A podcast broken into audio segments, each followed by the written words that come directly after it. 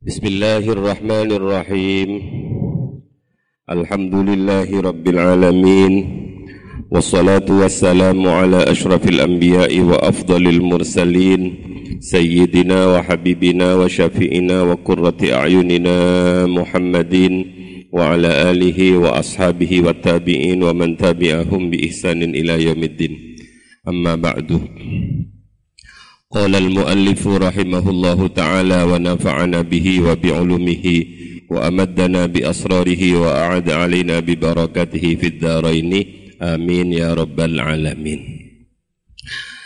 Sekedar pengingat kembali, ayo kita baca hadis yang pertama. Abah ingin setiap belajar hadis itu, di samping kalian paham tapi kalian juga saya minta usaha betul menghafal. Kan satu-satu saja. Ayo bismillahirrahmanirrahim. Faqad ruwiyah an Aisyah radhiyallahu anha an Rasulillah sallallahu alaihi wasallam qala haqqul waladi ala walidihi ayyuhsinah ismahu wa yuhsina murdi'ahu wa yuhsina adabahu. Yang terakhir kemarin belum saya jelaskan. Hak anak dari orang tua yang terakhir adalah wa ayyuhsina adabahu.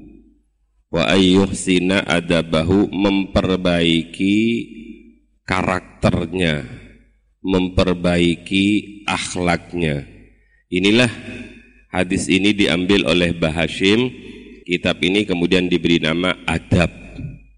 Wa ayyuhsina adabahu. Kemudian kitab ini diberi nama Adabul Adabul Alim wal Muta'alim. Dari kata-kata wa ayyuhsina adabahu memperbaiki, memperbagus, memperindah akhlak, etika, adab, sopan santun anaknya.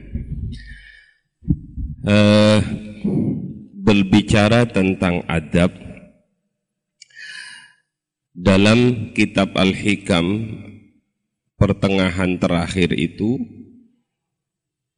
ada sebuah kata-kata yang perumpamaan yang sangat indah yang diinginkan dari mendung bukan hanya sekedar hujan yang membasahi bumi, bukan hanya suburnya bumi yang menumbuhkan tanaman, bukan tumbuhnya tanaman-tanaman yang rindang, tapi yang diinginkan dari seluruh proses itu adalah munculnya buah dari pohon itu.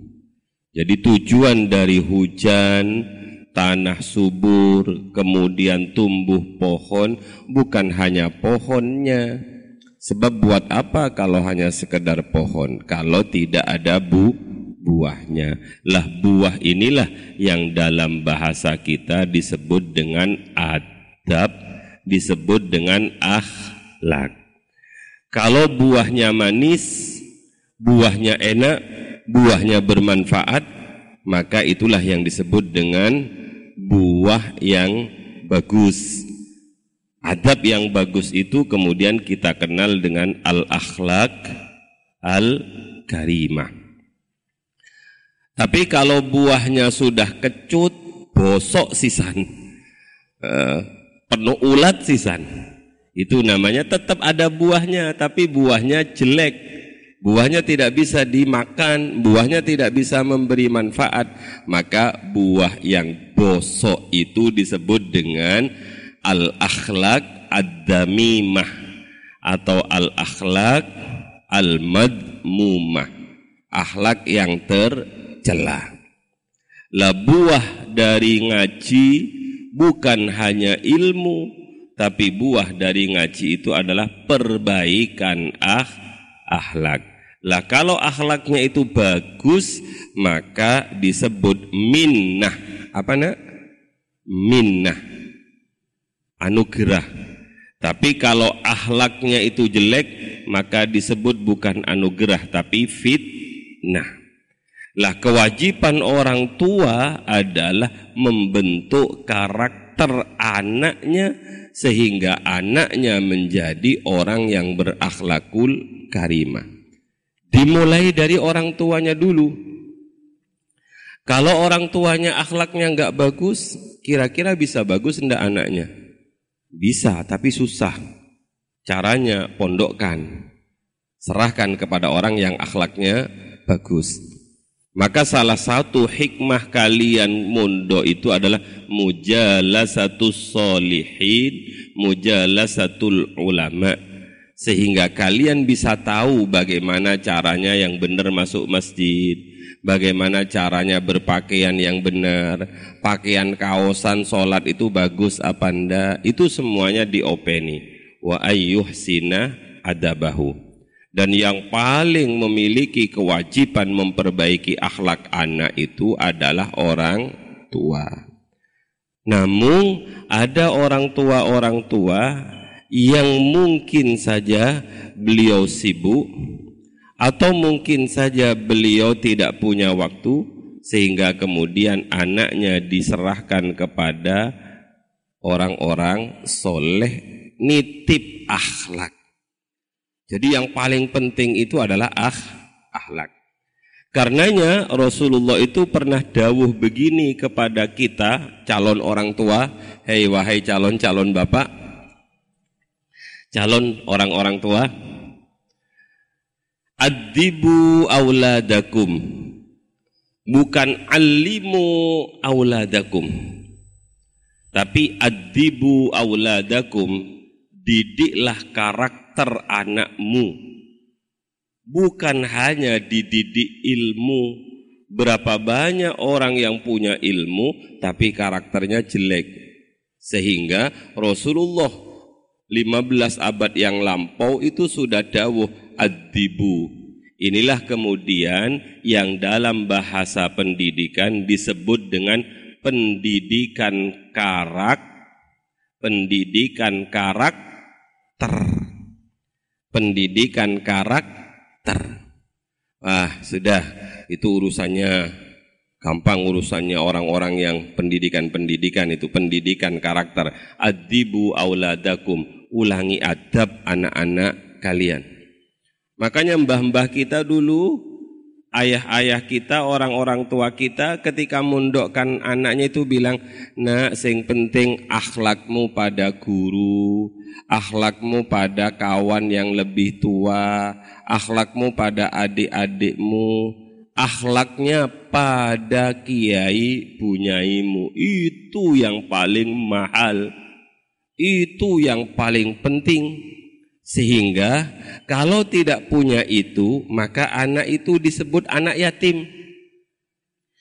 Jadi ada orang punya bapak, ada orang punya ibu, tapi anak itu disebut yatim.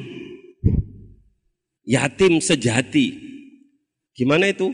Laisal yatim mamata wa liduhu innal yatima yatimul ilmi wal adabi.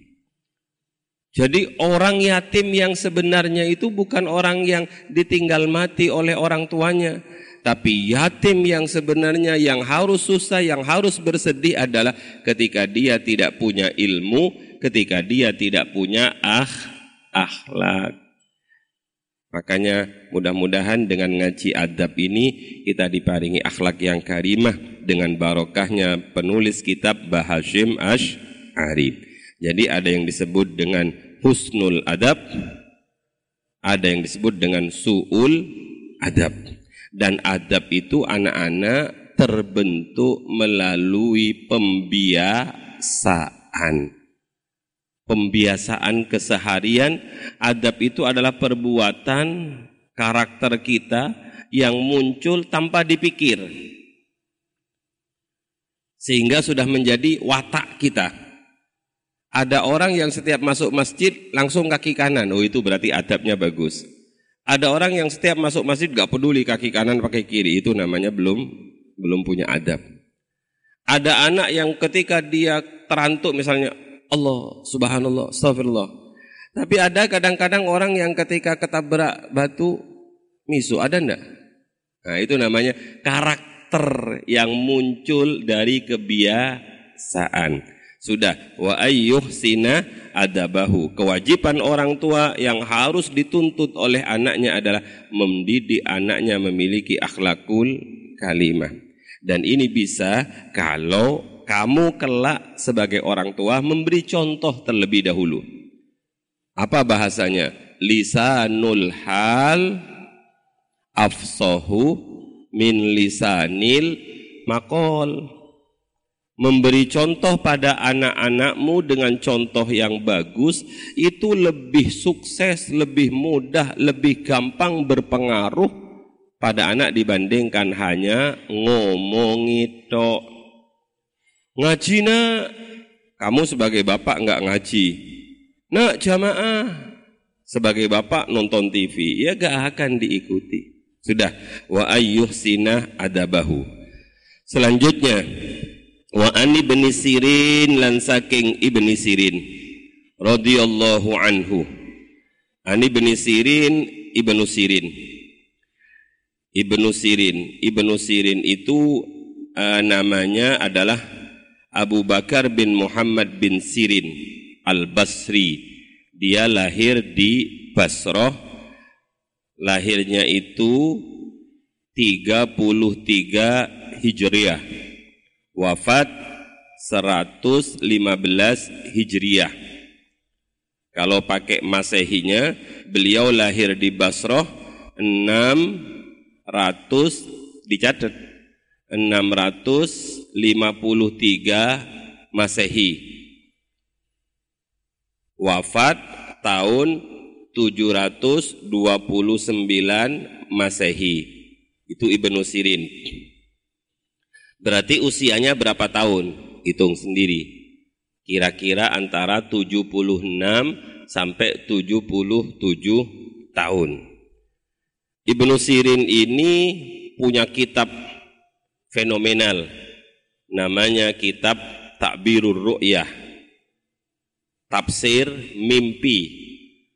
Jadi pelopor ilmu per, permimpian pelopor ilmu permimpian itu adalah Ibnu Sirin.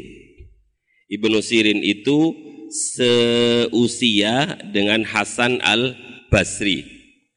Hasan al-Basri itu ahli tasawuf Ibnu Sirin ahli hikmah. Kalau kita ingat Ibnu Sirin ini, kita ingat dalam Al-Quran itu ada nabi yang uh, sangat hebat dalam urusan takwil mimpi. Nabi siapa itu? Nabi Yusuf alaihi salam. Jadi kemampuan membaca takbir mimpi itu tidak diberikan oleh Allah kepada sembarang orang.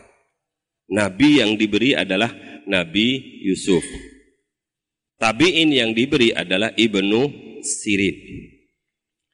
Ada suatu saat Hasan al-Basri itu bermimpi. Beliau nggak paham tentang mimpinya. Padahal Hasan al-Basri itu orang hebat karena kalau kita belajar tasawuf, jalur dari ahlul bait itu lewat Sayyidina Hasan dan Husain, tapi kalau lewat luar Ahlul Bait itu jalurnya adalah Hasan Al-Basri. Hasan Al-Basri itu pernah bermimpi begini. Mimpinya Hasan Al-Basri bukan mimpi kita. Kalau mimpi kita akan dikejar ular, dikejar anjing, dikejar orang gila gitu. Hasan Al-Basri mimpi suatu saat beliau telanjang. Telanjang di dalam kandang hewan. Banyak sekali hewannya. Lah ternyata apa yang dilakukan oleh Hasan Al-Basri, beliau membuat tongkat di dalam kandang itu. Begitu bangun beliau bilang, Subhanallah, Subhanallah. Ini mimpi apa ini artinya? Enggak paham beliau artinya karena memang tidak diberi ilmu oleh Allah tentang permimpian. Karena Syekh Hasan Al-Basri agak sungkan tanya langsung kepada Ibnu Sirin, maka beliau meminta salah seorang kawannya, coba kamu cerita kepada Ibnu Sirin, kamu seakan-akan bermimpi begini, begini, begini, begini. Siap Syekh, Berangkatlah orang itu tanya kepada Syekh Hasan, Syekh Ibnu Sirin. Hei Ibnu Sirin, saya bermimpi begini, begini, begini, begini. Bilang kepada orang yang nyuruh kamu, suruh datang sendiri. Tahu Ibnu Sirin kalau yang mimpi itu bukan orang itu. Akhirnya Hasan Al Basri singkat cerita datang kemudian assalamualaikum waalaikumsalam. Eh langsung aja dek, aku takut apa sih artinya mimpi saya itu? Lah iya wong mau tanya mimpi kok masih lewat orang-orang. Langsung saja kan enak sih. Nggih, nggih. Begitu tanya begini. Ya Syekh, mimpimu telanjang itu berarti kamu ini memang orang yang telanjang dari dunia. Artinya kamu sama sekali tidak punya ta'aluk terhadap dunia. Orang yang betul-betul wirai zuhud terhadap dunia. Itu yang pertama. Terus kandang itu apa maksudnya? Kandang hewan itu.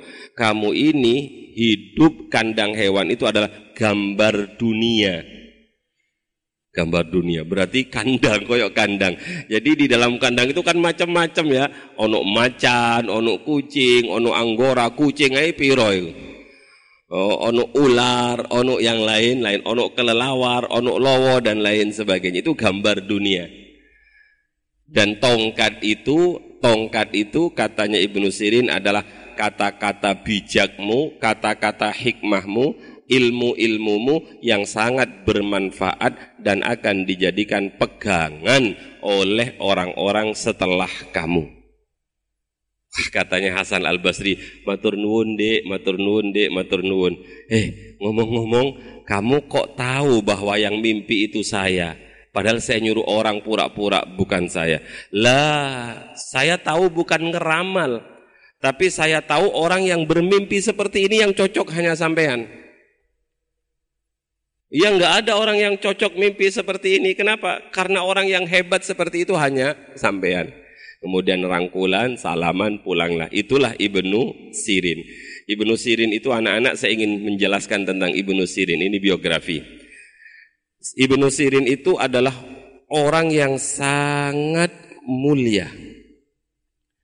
Kunci kemuliaannya Ibnu Sirin itu adalah orang yang sangat takut kepada ibunya. Takut pada siapa? Takut pada siapa? Ibunya. Rata-rata kamu lebih takut sama ibu apa sama bapak? Rata-rata kamu kan takutnya sama bapak. Kenapa? Soalnya bapaknya main tek tek tek. Ibnu Sirin itu adalah orang yang sangat takut kepada ibunya, sangat memuliakan ibunya. Salah satu bukti beliau orang yang sangat memuliakan ibunya, beliau tidak pernah ngomong tinggi di depan ibunya wala takul lahuma uffin. Jadi ngomong-ngomong tinggi yang sekiranya membuat hati ibunya kaget itu tidak pernah. Maka Ibnu Sirin menjadi orang yang sangat amat hebat. Itu namanya Ibnu Sirin. Terus Ibnu Sirin ini orang yang sangat disenangi oleh masyarakat. Kenapa? Karena orangnya humoris. Humoris itu adalah senang senang bercanda, senang guyon. Jadi hidupnya itu dekat dengan orang-orang. Yang kedua, sangat dekat dengan masyarakat karena Ibnu Sirin ini adalah orang yang suka menolong.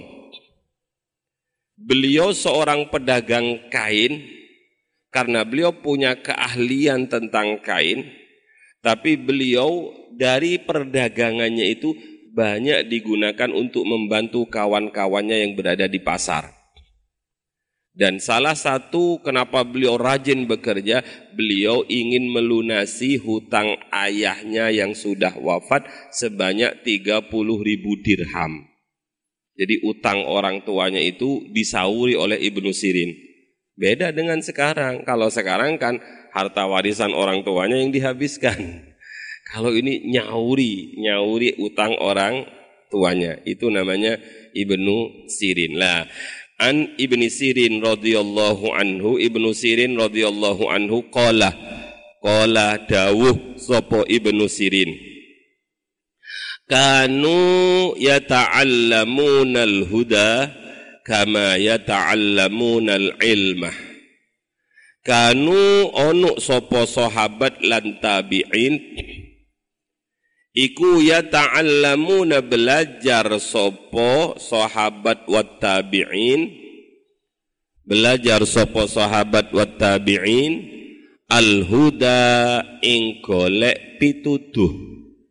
Al huda ing golek pituduh kama ya ta'allamuna koyo oleh belajar sopo sahabat lan tabi'in al ilma ing golek ilmu. Al ilma ing golek ilmu. Para sahabat para tabiin itu fokus sekali belajar tentang sesuatu yang mendap yang menjadikan mereka mendapatkan hidayah dalam hal ini adalah urusan adab urusan akhlak sebagaimana mereka bersungguh-sungguh belajar ilmu. Makanya kalau kita ngaji kepada Abah Yai Jamal itu kan sering kita mendengar cerita-cerita kiai-kiai terdahulu, orang-orang terdahulu. Di mana orang-orang terdahulu itu misalnya ada yang mondok 33 tahun, yang 30 tahun digunakan untuk belajar adab, yang tiga tahun digunakan untuk belajar ilmu. Pulang mereka mengatakan, oh seandainya semua waktuku di mondok di pondok digunakan untuk belajar adab, niscaya saya akan lebih aman, lebih tenang. Jadi anak-anak saya nggak kagum, maaf saya ulangi, saya nggak kagum kalau ada santri, ada murid pinter. Tapi adabe kurang api manuti kurang api lanyau koyo opo Qur'ani lancaro koyo opo kitabe? Saya nggak terlalu kagum. Karena itu mudah dipelajari. Pokoknya bersungguh-sungguh bisa kok tapi yang amat saya kagumi adalah kalau ada anak pinter Ahlaknya bagus, adabnya hebat. Itu yang bagus. Lah saya sedang kagum pada kalian ini. Wahai orang-orang yang mengagumkan. Wah, besar kalian telinganya. Kalian adalah orang-orang yang mengagumkan. Atau orang-orang yang perlu dilestarikan. Jadi nggak enak yang kedua ini. Ah, akhlak. Makanya anak-anak ah, akhlak. Uh, di sini dikatakan wal huda yutlaku ala tauhid wa taqdis Eh, pembersihan hati, pembersihan hati, pembiasaan diri. Itu Ibnu Sirin dawuh kanu yata'allamuna al-huda kama yata'allamuna al-ilma. Jadi kalau dibuat guyon-guyonan itu begini. Ono santri itu pinter ahlake wapi. Ini luar biasa ini bagus ini. Apa itu pinter ahlake api. Ono sing pinter ahlake kurang api. Iya, gak enak ini. Ono sing ahlake api kurang pinter. Ono sing nomor empat itu ahlake gak api, yo gak pinter. Tapi lumayan, masih santri lah, kumpul dengan orang baik. Jadi kalian kalau suruh milih-milih yang mana? Ada yang gak pinter, ahlake gak api. Ada yang pinter ahlake ke api. Ada yang ahlake api gak pinter. Ada yang pinter sa ahlake api. Kira-kira pilih mana kamu? Pilih yang pertama. Ya pilihlah yang pertama. Memilih itu bukan diam. Orang memilih itu gimana? Kalau kamu milih barang itu gimana kamu? Ya berdiri dari tempat dudukmu kemudian dicakar-cakar, digolei. Itu namanya memilih. Memilih itu kalau milih niku itu namanya bukan memilih, menunggu itu. Dan itu nggak bisa ditunggu, harus dica dicari. Ibnu Sirin. Terus selanjutnya. Wa anil Hasan al Basri sama-sama sama tabi'in. Wa anil Hasan al Basri lan saking Hasan al Basri. Hasan al Basri wa anil Hasan al Basri lan saking Hasan al Basri. Hasan al Basri itu sering abah ceritakan seorang yang luar biasa hebatnya karena Hasan Al-Basri ini secara secara apa ya nasab nempel juga kepada baginda Rasul. Karena Hasan al-Basri ini pernah disusui oleh salah seorang istri Rasul. Maka kita kemudian paham yahrumu minar rodo ma yahrumu minan nasab. Jadi ini adalah saudara rodo dari uh, anak-anaknya baginda Rasul. Karena apa? Karena pernah nyusu kepada salah seorang istri Rasul. Sehingga wajar kalau Hasan al-Basri ini menjadi tokoh sufi terkenal. Bapaknya orang-orang zuhud itu adalah Hasan al-Basri. Saya pernah berceritakan kepada kalian tentang hebatnya Hasan al-Basri yang ingin mengamalkan satu hadis saja. Beliau punya rumah. Rumahnya itu di lantai dasar. Di lantai atasnya adalah tetangganya Yahudi. Jadi orang hidup bertetangga dengan lain agama itu ada sejak zaman dahulu. Ada sejak zaman tabi'in, bahkan zaman sahabat ada yang berbeda agama. Jadi kalau ada orang ingin hidup sendirian sesama muslim ya nggak mungkin lah. Wong tabi'in saja hidup dengan Yahudi. Lah suatu saat Hasan al-Basri itu sakit, sang Yahudi turun. Dari atas ingin nengok Hasan al-Basri. Begitu masuk, Yahudi ini bilang, ya cari ini kiai, cari ini tokoh, tapi rumahnya kok pesing. Jadi rumahnya Hasan Al Basri itu pesing, bau kencing. Grundel artinya, cari ini, ini, ini, an-nadhafatu minal iman, ya slogan tok rumahnya pesing. Tiba-tiba Allah menolehkan lehernya Yahudi itu ke pojokan. Di pojokan itu anak-anak ternyata ada bak. Bak itu nadai tetesan air dari atas. Ternyata begitu didekati bak itulah sumber kepesingan. Sumber pesingnya dari situ. Ternyata setelah dilihat, loh itu kan ceding saya. Berarti yang netes ini adalah air kencing saya, air kencing istri saya. Kemudian dia bilang kepada Hasan al-Basri, Ya Syekh, mohon maaf, sudah berapa lama saya ngirimi sampean peceren? Apa jawabnya Hasan al-Basri? Sudahlah dek, enggak usah bahas itu. Kamu ke sini kan hanya ingin nengok saya kan? Tolong saya, berapa lama saya memiliki, eh, mengirimi sampean pesing seperti ini? Wes dek, enggak usah, enggak usah bahas itu. Kita bahas yang lain. Yang penting kamu kan sudah melihat saya. Akhirnya Yahudi ini bersumpah, demi hak saya sebagai tetangga, tolong kasih tahu saya, sudah berapa hari saya ngirimi peceren ini. Lah kamu pakai sumpah-sumpah segala, maka saya harus ngomong, baru kok di, baru 20 tahun. 20 tahun kamu hidup dalam kepesingan seperti ini, kepesingan ini. 20 tahun kau tidak pernah mengkomplain saya. 20 tahun kau tidak pernah ngamuk-ngamuk negur saya. Katanya Yahudi ini. Sungguh hebat luar biasa engkau. Maaf deh, itu tidak seberapa. Saya hanya ingin mengamalkan satu dawuh junjungan saya Baginda Nabi dawuh, "Mangkana yu'minu billahi wal yaumil akhir falyukrim jarahu."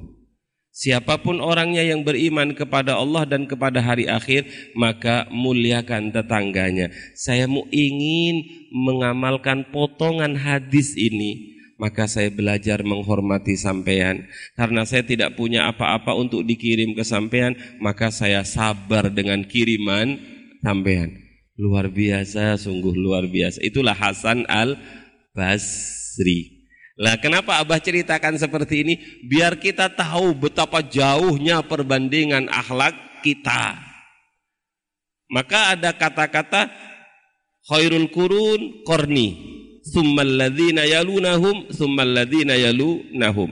Sebaik-baiknya kurun ini adalah kurun sahabat.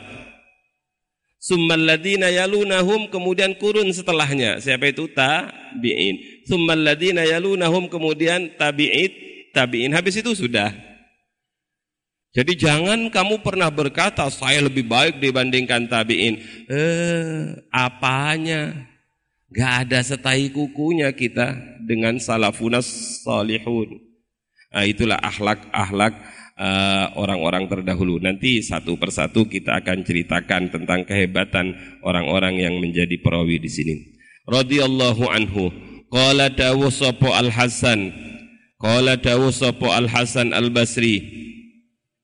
Hasan Al Basri dawuh ingkana in sak temeni kelakuan iku kana ono iku kana ono sapa ar-rajulu wong lanang sapa ar-rajulu wong lanang? La yakhruju yakti metu sapa rajul? La yakhruju yakti metu sapa rajul? Keluar dari rumahnya untuk apa? Fi adabi nafsihi ing dalem mempelajari atau belajari toto kromo awak deweni toto kromo awak deweni asinina ing pirang-pirang tahun summasinina nule pirang-pirang tahun saking pingin belajar tentang toto kromo maka orang-orang terdahulu itu belajar akhlak itu bukan hanya setahun, bukan hanya dua tahun, asinin summasinin bertahun-tahun.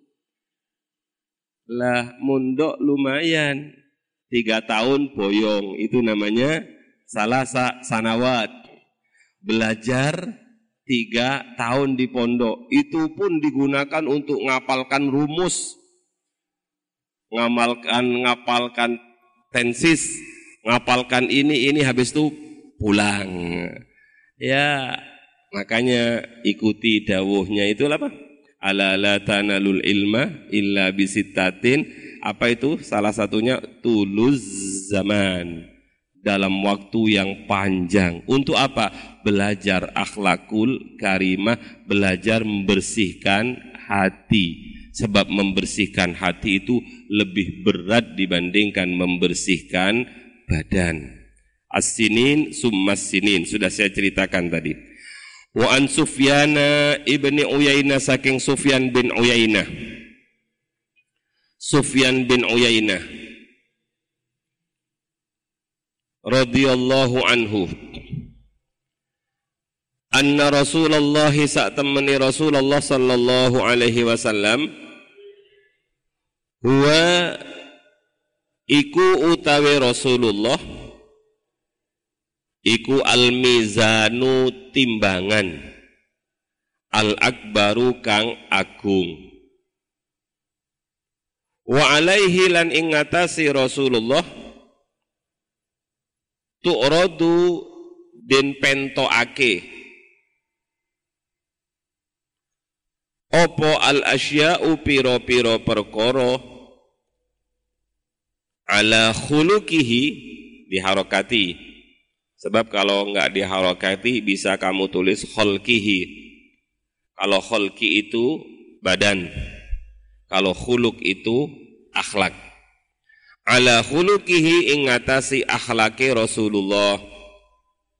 Wasiratihi lan sirai Rasulullah. Sejarai Rasulullah. Lelampahani Rasulullah wa hudahu lan petunjuki Rasulullah fama wafaqaha fama wafaqah fama mungko utawi perkara wafaqa kang nyucoki apa ma ha ing khuluq ila akhirih fahuwa mungko utawi ma iku al kebenaran.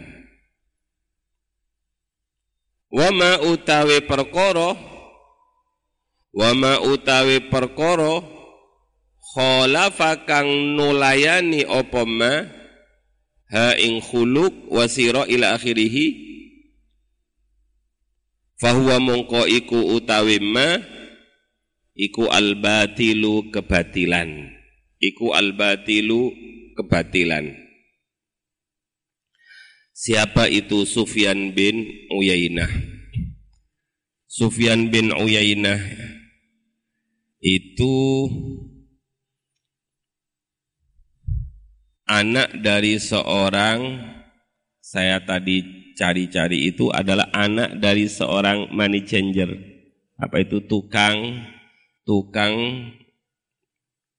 tukar mata uang. Jadi kalau kalian haji itu kan ada kalian bawa rupiah ditukarkan real. Itu ayahnya bekerja sebagai tukang tukang mata tukar mata uang. Uh, beliau berguru kepada Amru bin Dinar. Amru bin Dinar. Pertemuannya dengan Amru bin Dinar itu diawali ketika ia dibawa oleh ayahnya ketemu dengan seorang alim bernama Amru bin Dinar. Kemudian anak ini disuruh oleh bapaknya membantu kiai itu. Akhirnya saya memegangkan tali keledainya Amr bin Dinar. Kemudian Amr bin Dinar mendikte saya delapan hadis. Begitu Amr bin Dinar keluar dari masjid selesai sholat, ternyata delapan hadis itu langsung hafal. Kayak kalian kan dengar langsung hafal. Cordasnya luar biasa. Itulah kemudian beliau didoakan oleh Amru bin Dinar.